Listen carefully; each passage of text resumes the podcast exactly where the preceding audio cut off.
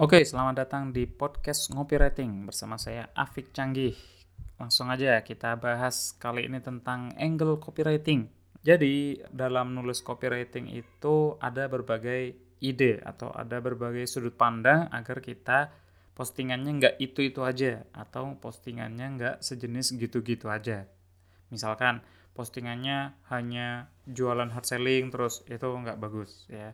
Orang jadi bosen atau postingannya hanya nunjukin testimoni terus, testimoni doang ya. Itu juga kurang bagus atau kurang menarik ya.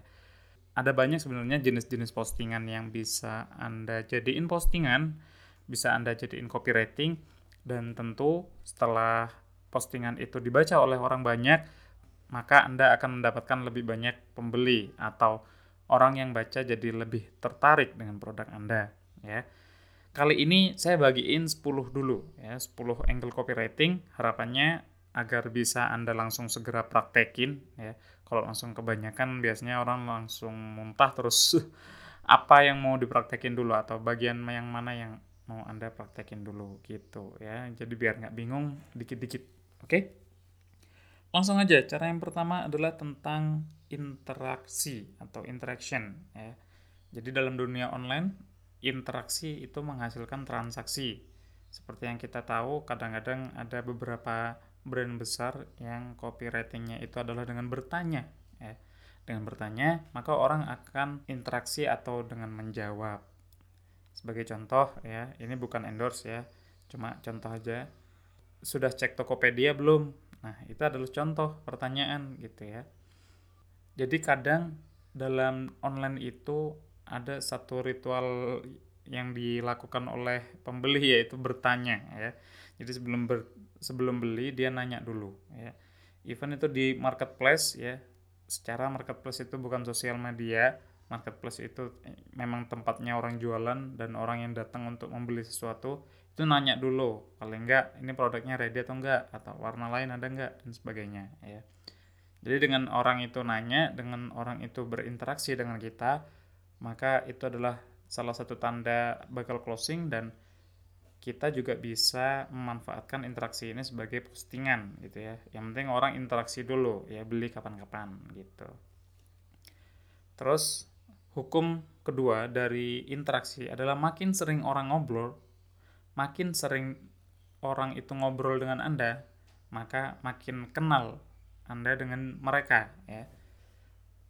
Dan rumus kedua, makin kenal, maka makin percaya. Contoh, kalau Anda dihadapkan dengan banyak penjual sepeda motor, misalkan Anda dalam kondisi nyari pengen beli sepeda motor, maka kemungkinan terbesar Anda akan membeli ke orang yang Anda kenal. ya. Karenanya, Anda banyak-banyakin tuh kenalan sama orang. ya Banyak-banyakin membangun interaksi dengan orang lain. ya Mas Hafi gimana caranya bikin copywriting yang mengandung interaktif? Bagaimana cara bikin copywriting yang mengarahkan orang untuk berinteraksi? Ya, caranya adalah salah satunya akhiri dengan pertanyaan. Ya. Sudah punya buku ini atau buku mana yang udah anda baca? Sudah sampai halaman berapa buku yang anda baca? Kayak gitu. Ya, jadi eh, pertanyaan-pertanyaan seperti itu ya kalau kita jualan buku maka itu akan bagus banget gitu ya. Jadi kita menunjukkan bahwa kita jualan buku dengan menanyakan Anda sudah punya buku ini atau belum ya kayak gitu. Atau bagi yang udah punya buku ini uh, sudah Anda baca sampai halaman berapa kayak gitu ya. Atau kalau Anda jualannya fashion ya, warna apa nih yang menurut Anda paling bagus? Ya, itu adalah contoh untuk produk fashion Contoh produk lain, produk peluang usaha, misalkan Anda uh, seorang networker atau Anda seorang distributor, agen yang mencari reseller ya. Coba tanya, sudah menyiapkan dana darurat ya, sudah punya penghasilan tambahan selain dari gaji misalkan. Nah, itu pertanyaan-pertanyaan yang yang kalau dijawab kita bisa mengetahui bahwa orang tersebut misalkan market dari kita atau bukan market kita ya kayak gitu sudah atau belum ya itu tidak terlalu berpengaruh sama kita ya. Yang penting dia jawab ya. Rumusnya atau intinya ini memang kurang nyaman ya. Tapi kalau misalkan anda membuat postingan yang interaktif ya atau yang membuat orang interaksi nggak peduli mereka jawab apa yang penting mereka jawab atau yang penting mereka komen. Misal nih kita nanya sudah punya buku ini? Gitu ya nah mungkin mereka jawab buku A buku B buku C. Jawaban mereka itu sebenarnya tidak terlalu kita butuhkan ya. Yang kita butuhkan adalah membangun interaksinya ya. Lanjut cara yang kedua adalah tentang social proof atau ikut-ikutan. Ada hukum atau ada penelitian ya, yang dilakukan oleh Robert Cialdini dalam bukunya Persuasion itu ya. Kecenderungan orang untuk mengikuti kebanyakan orang ya. Jadi kalau orang kebanyakan memilih A maka satu orang tersebut kecenderung ya udah aku aja deh misalkan. Dalam kehidupan sehari-hari kadang-kadang kita kalau ngumpul bareng temen kalau kebanyakan teman kita makan nasi goreng gitu ya ya udah samain aja lah kayak gitu. Ya jadi ada kecenderungan orang untuk sama ya. Penelitian ilmiahnya atau riset ilmiahnya ya, ketika orang dikasih tahu bahwa kebanyakan orang milih A tanpa ia pikir A itu benar atau enggak maka orang tersebut memilih A ya jadi ditanya nih warna apa yang cocok untuk produk ini? Kuning kuning kuning kuning kuning misalkan ya. Jadi kebanyakan orang di ruangan tersebut milih kuning. Dia tahu nih kalau orang tersebut kebanyakan milih kuning maka ia memilih kuning terlepas itu benar atau enggak ya. Terlepas itu menurut yang dia ketahui bahwa warna kuning itu kayak gini gini gini atau apa artinya gitu ya.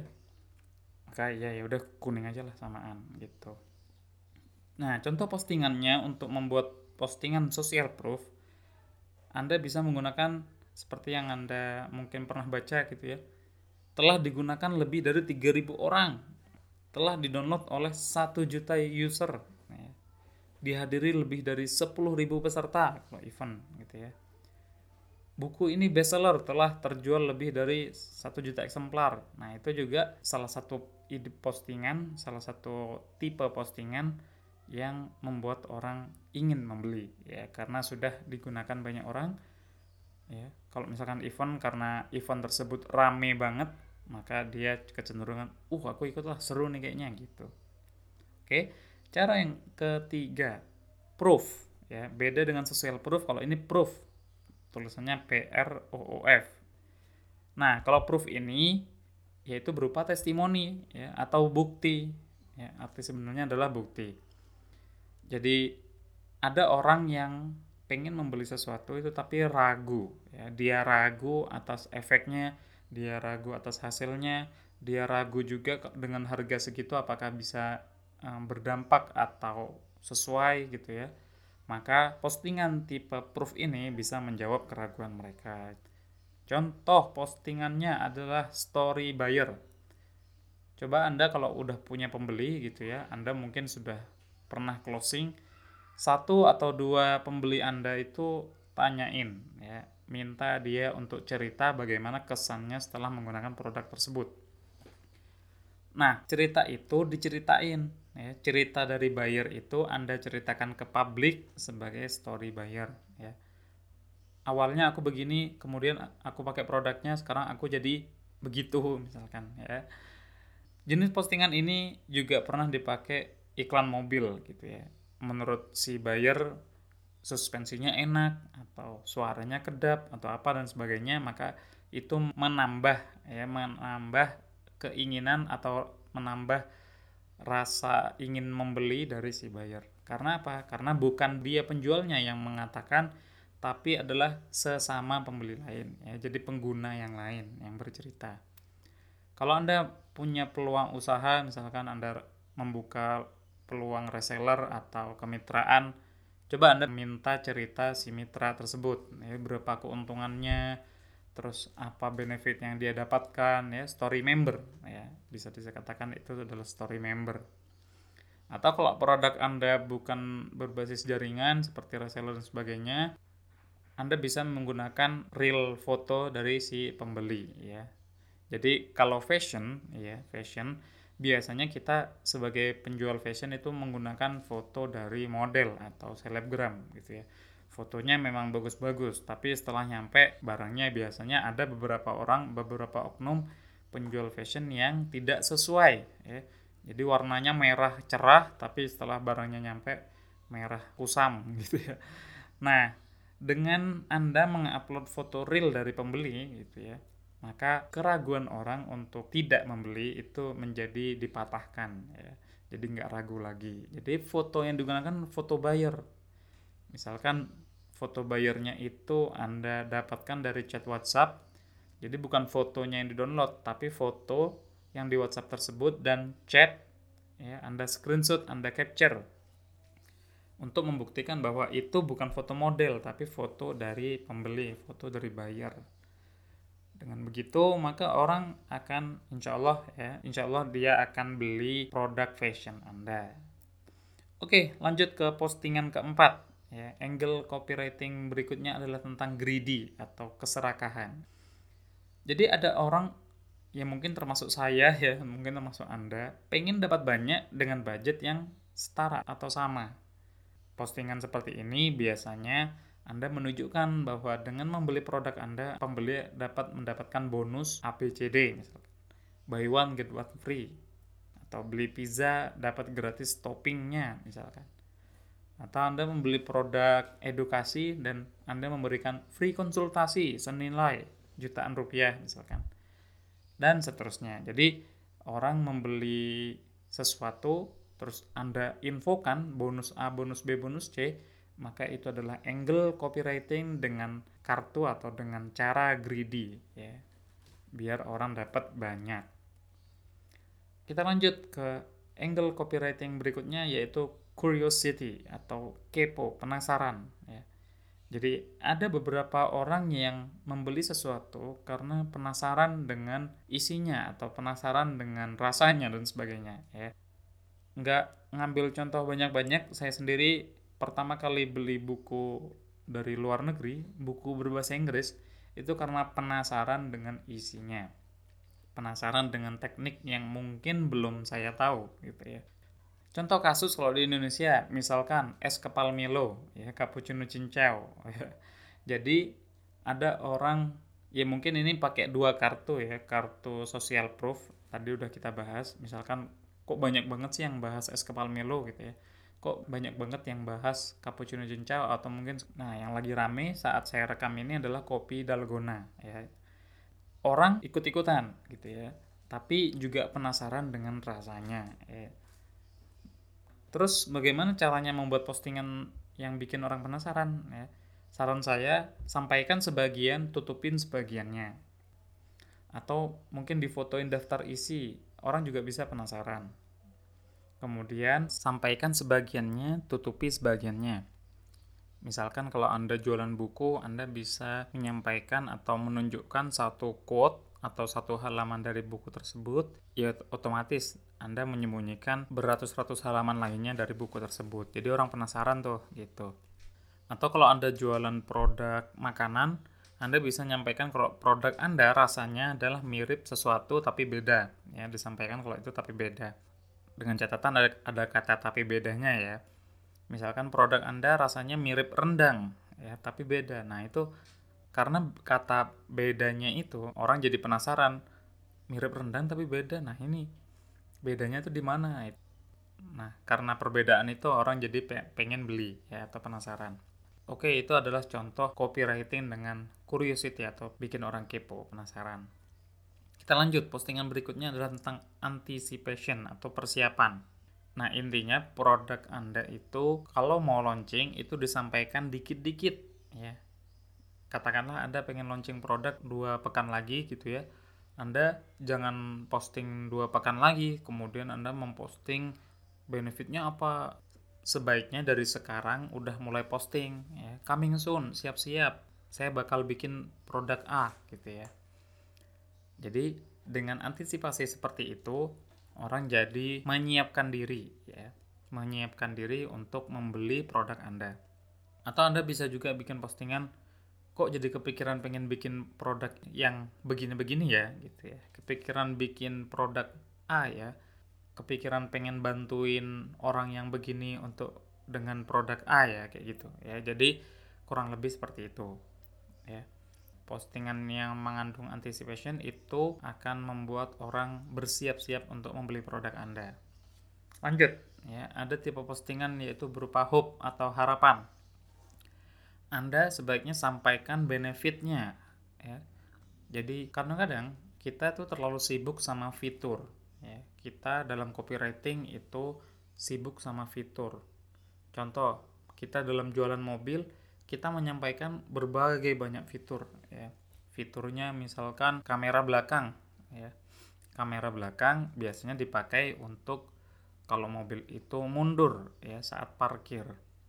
Nah, dengan menyampaikan fitur, orang jadi nggak terlalu kebayang ya kamera belakang. Tapi kalau misalkan kita menyampaikannya itu berupa benefit ya, langsung dalam konteks ceritanya, kalau misalkan pakai produk kita atau dengan adanya fitur tersebut, itu akan membantu dia dalam apa? Membantu dia dalam agar tidak tertabrak saat parkir mundur misalkan. Nah, itu benefit yang disampaikan, bukan fitur.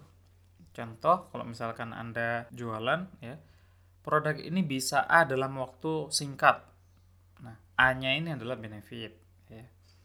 Produk ini bisa otomatis A. Nah, otomatis menjadi sesuatu itu juga benefit ya. Anda bisa menggunakan copywriting seperti itu. Produk ini baterainya lebih tahan lama ya kata lebih tahan lamanya ini membuat orang tertarik untuk beli. Tampilan lebih mewah, tampilan lebih menarik misalkan. Jadi dengan postingan yang mengandung benefit ya, orang jadi berharap. Oke, kita lanjut ya. Lanjut di angle copywriting berikutnya adalah low price atau kita memberitahu bahwa produk yang kita jual itu sangat-sangat terjangkau ya. Seperti biasa, kecenderungan orang adalah ingin menghemat anda bisa menggunakan copywriting yaitu membandingkan solusi lain dari harga yang lebih mahal. Ya. Solusi lain dengan harga yang lebih mahal. Contoh, skincare misalkan. Ya, jadi solusi lain dari skincare itu ada ya. Misalkan ke klinik. Nah, ke klinik harganya lebih mahal. Maka produk Anda terlihat lebih terjangkau ya, walaupun mungkin nggak murah juga gitu. Jadi low price. Atau Cara berikutnya adalah hebohkan kelebihan Anda atau benefit ya, kelebihan produk Anda sampai terkesan lebih murah, jauh banget ya. Jadi ada gap antara ekspektasi yang yang orang inginkan gitu ya dari produk Anda dengan harga yang jauh lebih terjangkau gitu. Itu adalah angle copywriting low price. Kita lanjut ke yang sembilan adalah angle copywriting celebrity atau artis kecenderungan orang pengen sama dengan tokoh yang dia idolakan. Ya. Maka Anda bisa menggunakan jasa endorse, selebgram, atau brand ambassador sehingga produk Anda laku terjual atau orang jadi pengen beli produk Anda. Wah, artis tersebut pakai kaos yang sama dengan kaos saya. Saya pengen, uh, saya bangga dengan ini, misalkan. Jadi ini menjadi PR buat Anda ya. Mulai agendakan untuk endorse siapa ya artis siapa atau menggunakan selebgram siapa dan brand ambassador siapa yang pengen anda uh, gunakan jasanya kayak gitu kita lanjut ke yang ke 10 atau ke yang terakhir adalah angle copywriting reciprocity wah tuh aneh nggak tuh kalau anda baru dengar mungkin reciprocity pernah saya bahas di podcast sebelumnya ya tapi intinya saya ulang lagi dikit di sini berbagi terlebih dahulu ya. Jadi kecenderungan orang untuk membalas kebaikan orang lain itu ada ya, terutama budaya orang Indonesia ya. Kalau dikasih sesuatu maka dia pengen membalas sesuatu hal yang yang setara atau yang lebih baik bahkan gitu ya. Maka dari itu reciprocity ini dalam prakteknya copywritingnya itu Anda bisa menggunakan berbagi tips dulu ya. Anda bisa berbagi tips sesuai dengan buku yang Anda jual ya. Atau Anda bisa berbagi tips memilih busana saat acara tertentu. Anda jualan produk fashion. Anda bisa berbagi tips cara mengatasi jerawat, ya, produk yang Anda jual skincare. Anda berbagi tips menginstal software tertentu yang Anda jual laptop atau PC ya dan lain-lain ya berbagi tips desain yang Anda jual jasa desain dan seterusnya ya. Jadi intinya berbagi dulu ya. dalam konteks spiritual ya berbagi memudahkan rezeki itu memang harus kita ikhlaskan ya tapi efek sampingnya itu adalah orang cenderung untuk membalas kebaikan kayak gitu kita posisikan sebagai customer ya kita sebagai customer satu orang nih kita dihadapkan pada 10 merek ya coba kalau misalkan dari 10 merek ini harganya sama benefitnya sama gitu ya maka kita akan memilih salah satunya untuk kita beli ya. Kalau di antara 10 merek di hadapan kita ini salah satunya adalah orang yang sering berbagi sama kita, maka kita cenderung untuk membeli dari produk tersebut ya. Produk 1 2 3 4 5 6 7 8 9 10 tapi produk 7 ini dengan merek 7 ini yang sering berbagi sama kita gitu ya. Saya misalkan saya tahu ini dari produk yang merek 7 saya tahu itu dari produk yang tujuh. Pokoknya saya sering dapat konten edukasi dari produk yang merek tujuh. Maka dengan begitu kita akan membeli dari produk yang bermerek tujuh. Ya. Berbagi tips, berbagi inspirasi atau konten sharing bisa Anda gunakan. Jadi 10 copywriting tadi bisa Anda gunakan ya misalkan hari pertama gunakan copywriting 10 copyright hari kedua Anda bisa menggunakan copywriting yang anticipation gitu ya. Copywriting hari ketiga adalah tentang memberikan menjelaskan hope dan sebagainya ya. Anda bisa kombinasikan jadi setiap hari postingan Anda enggak itu-itu aja oke? Jadi seperti itu uh, tipe-tipe angle copywriting. Sebaiknya Anda praktekin ya Anda praktekin praktekin praktekin. Tapi nanti kalau udah praktekin saya pengen bagiin lagi ya 10 angle copywriting berikutnya atau 20 angle copywriting berupa ebook ya. Nanti ebooknya bisa anda download di afikcanggih.com slash ebook copywriting ya. afikcanggih.com garis miring ebook pakai e ebook o nya dua copywriting ya copywriting ebook copywriting. Bisa anda download di sana masukkan email anda dan nama anda nomor whatsapp anda. Nanti anda bisa akses atau download ebooknya di situ ya. Saya akan menjelaskan 10 angle copywriting lainnya sehingga Anda tidak perlu lagi pusing-pusing mikirin hari ini mau posting apa ya. Dan customer Anda atau pembaca copywriting Anda juga nggak bosen ya dengan copywriting Anda yang itu-itu terus ya. Testimoni lagi testimoni lagi ngasih bonus lagi ngasih bonus lagi itu enggak ya jadi kita bervariasi postingannya oke mungkin itu aja untuk podcast hari ini mudah-mudahan bermanfaat ya jangan lupa praktek praktek praktek kalau praktek insya Allah ngefek Semoga bermanfaat dan jangan lupa share ke teman-teman Anda agar manfaatnya makin meluas lagi. Terima kasih sudah mendengarkan di podcast Ngopi Rating. Sampai ketemu di podcast berikutnya. Assalamualaikum warahmatullahi wabarakatuh.